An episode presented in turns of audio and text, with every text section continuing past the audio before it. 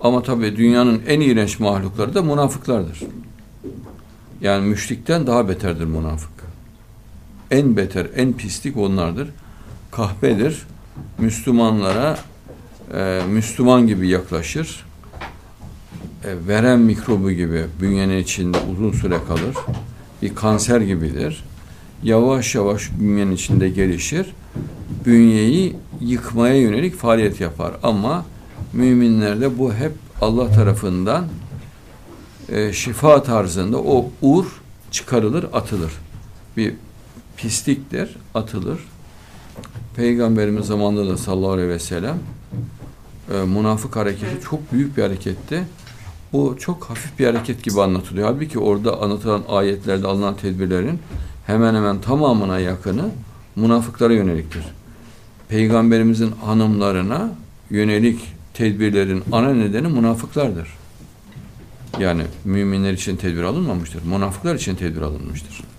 İşte perde arkasından konuşmaları münafıklar içindir.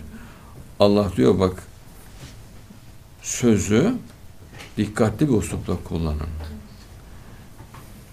Yani çekici bir görüntü olmasın uslubunuzda.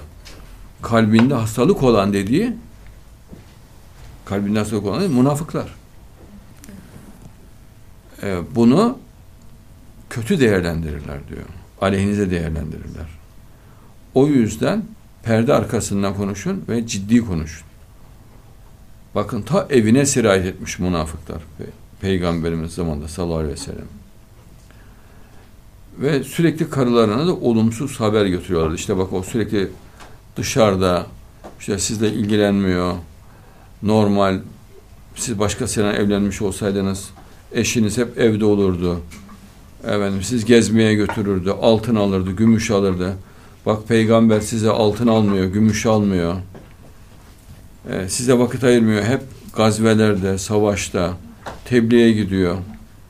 Ama bak diğer münafıklardan örnek veriyor. Onların eşleri akşama kadar evdeler.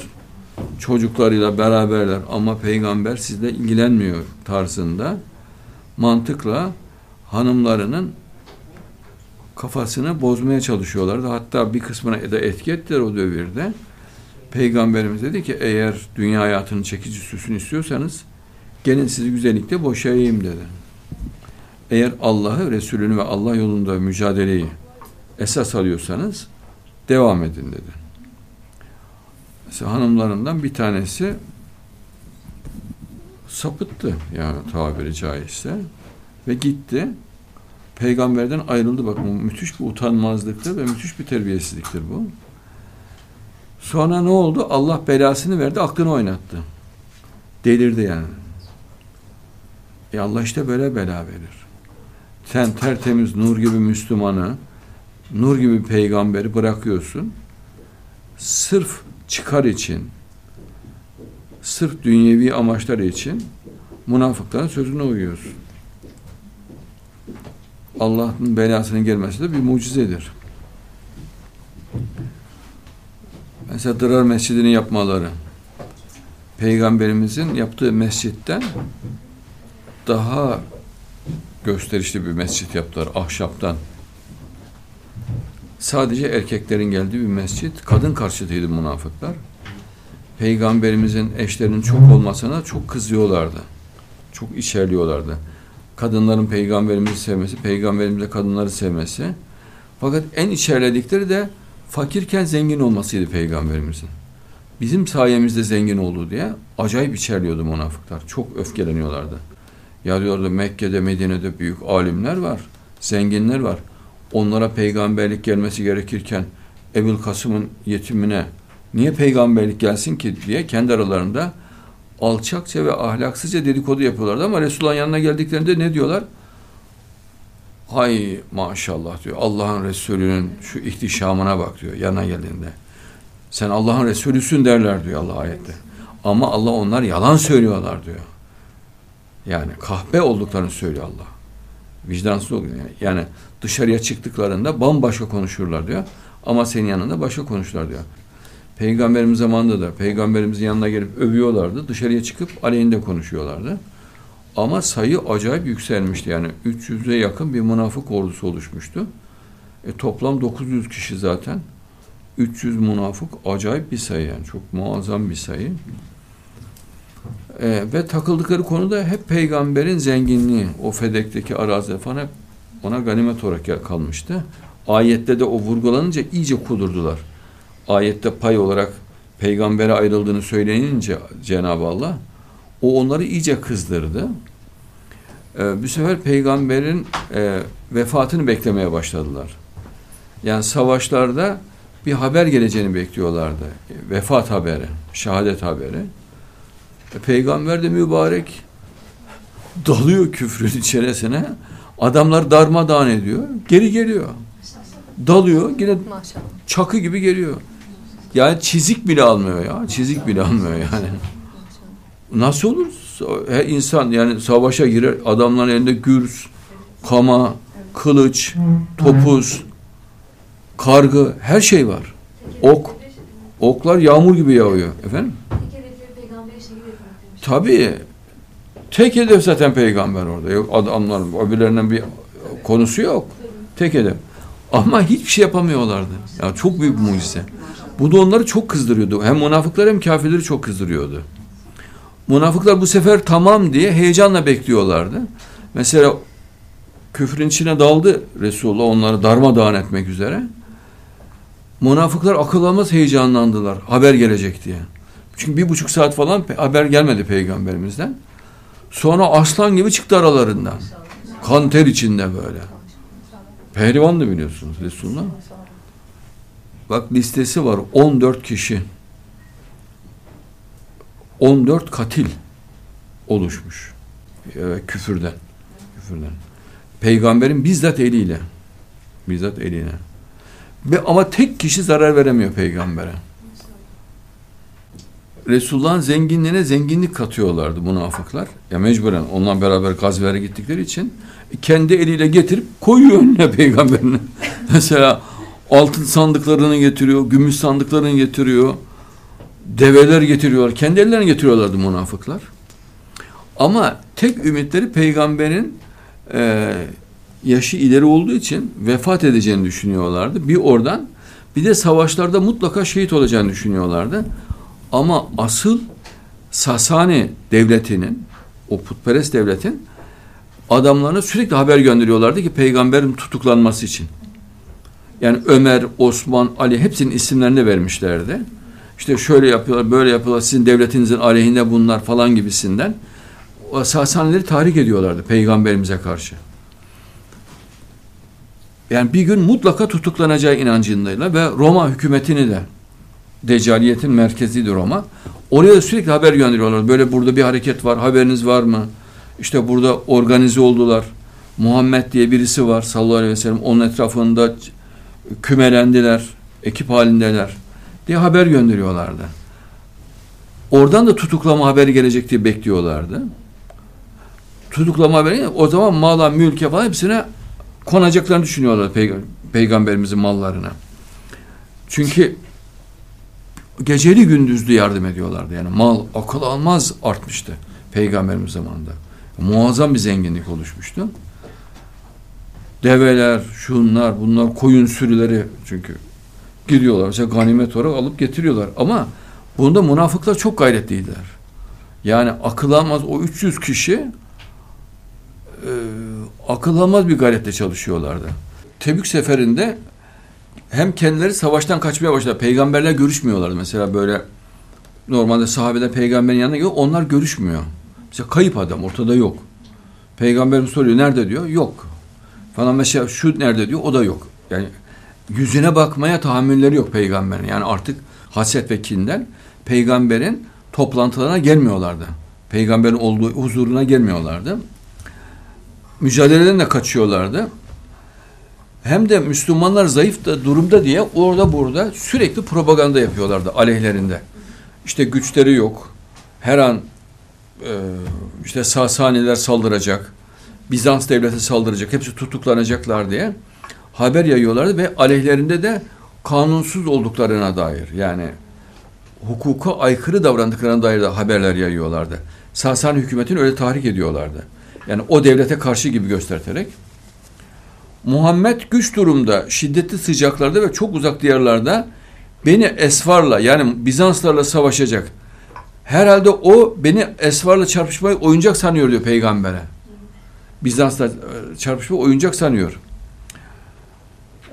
Vallahi diyor onun asabını bir sabah bir sabah yani gel, mesela dört gibi, beş gibi, üç gibi yani güneş doğmasına yakın yahut ikişer ikişer iplere bağlanmış olarak görüyorum sanki.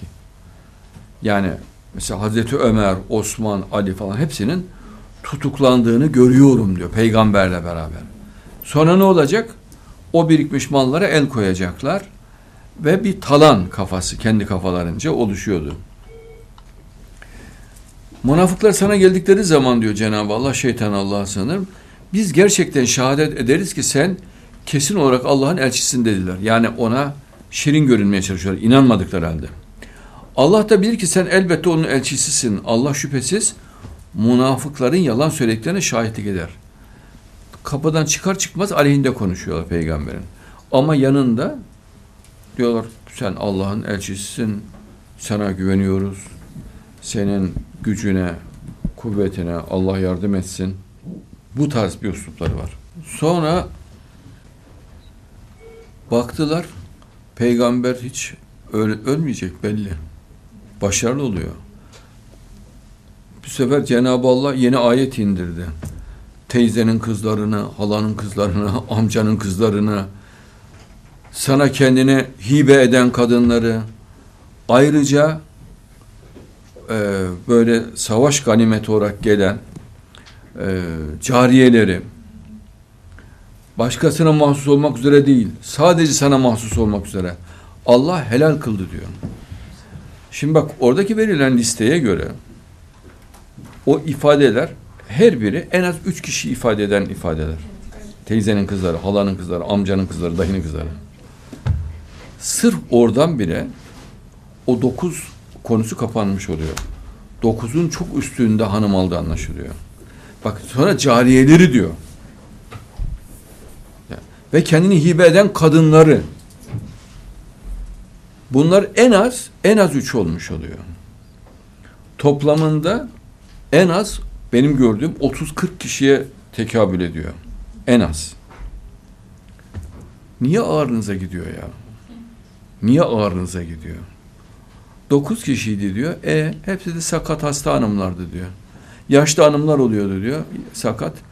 Acıdığı için peygamber sokakta kalmasın gelsin benim yanıma ben bakayım diyordu diyor. Hepsi yaşlı hanımlardı diyor. E sana sana genç hanım olması gerekiyor. Yani münafıklara genç olması gerekiyor. Peygambere bir yaşlı. Yok öyle şey. Peygamberin hanımları hep de gençtiler. Yaşlı olanlar da vardı ayrı. Ama az sayıdaydı. Hanımların büyük bölümü gençti. Özetle peygambere bütün güçlerine bunlar hizmet ettiler, gayret ettiler. Sonunda peygamberimizin malına, mülküne, imkanlarına sahip olacaklarını düşündüler. Bütün ömürlerini verdiler. Sonunda gittiler. Peygamberimize zarar verebildiler mi? Yok. Asla. Hiçbir zarar veremediler bütün gençliklerini, imkanlarını peygamberimiz zamanında kullandılar. Bunların başında münafıklar Abdullah bin Übey reisliğinde bir ekip vardı. 300 kadar sayısı. 300 çok manidardır yani. Münafıkların ünlerinden biri de bu Evs'in, Evs kabilesinden Levzan oğullarından Neptel bin Haris idi. Bu adam hakkında peygamberimiz diyor ki kim şeytanı görmek isterse Nebdel bin Haris'e baksın. En tipsiz münafıktı yani en pislik. Yani asrımızda da öyle mesela katil kılıklı, sabıkalı kılıklı, pislik, hırsız kılıklı, aşağılık münafıklar oluyor. Değil mi mesela onların başı oluyor mesela yahut onların yöneticisi konumunda oluyor. Her devirde böyle olmuştur ama o devirde de öyle.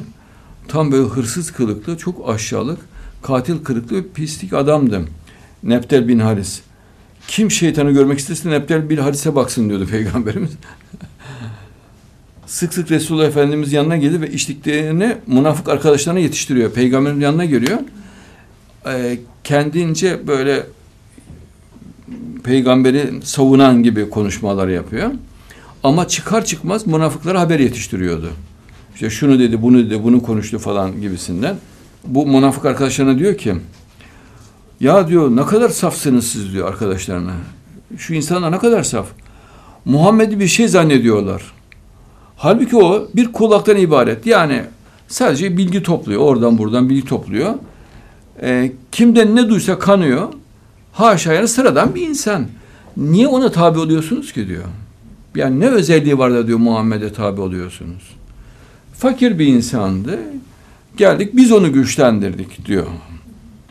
Halbuki onu güçlendiren Allah mı o kendi yaptı zannediyor. Aklı sarmıyor. Ona gücü kuvveti veren. E sana ne o zaman sen niye güçlenemiyorsun? Niye sürünüyorsun? Niye aşağılanarak yaşıyorsun? Niye hırsızlıkla geçiniyorsun? Değil mi? E Allah ona o gücü kuvveti verdiğine göre o bir, bir ayet işte delil.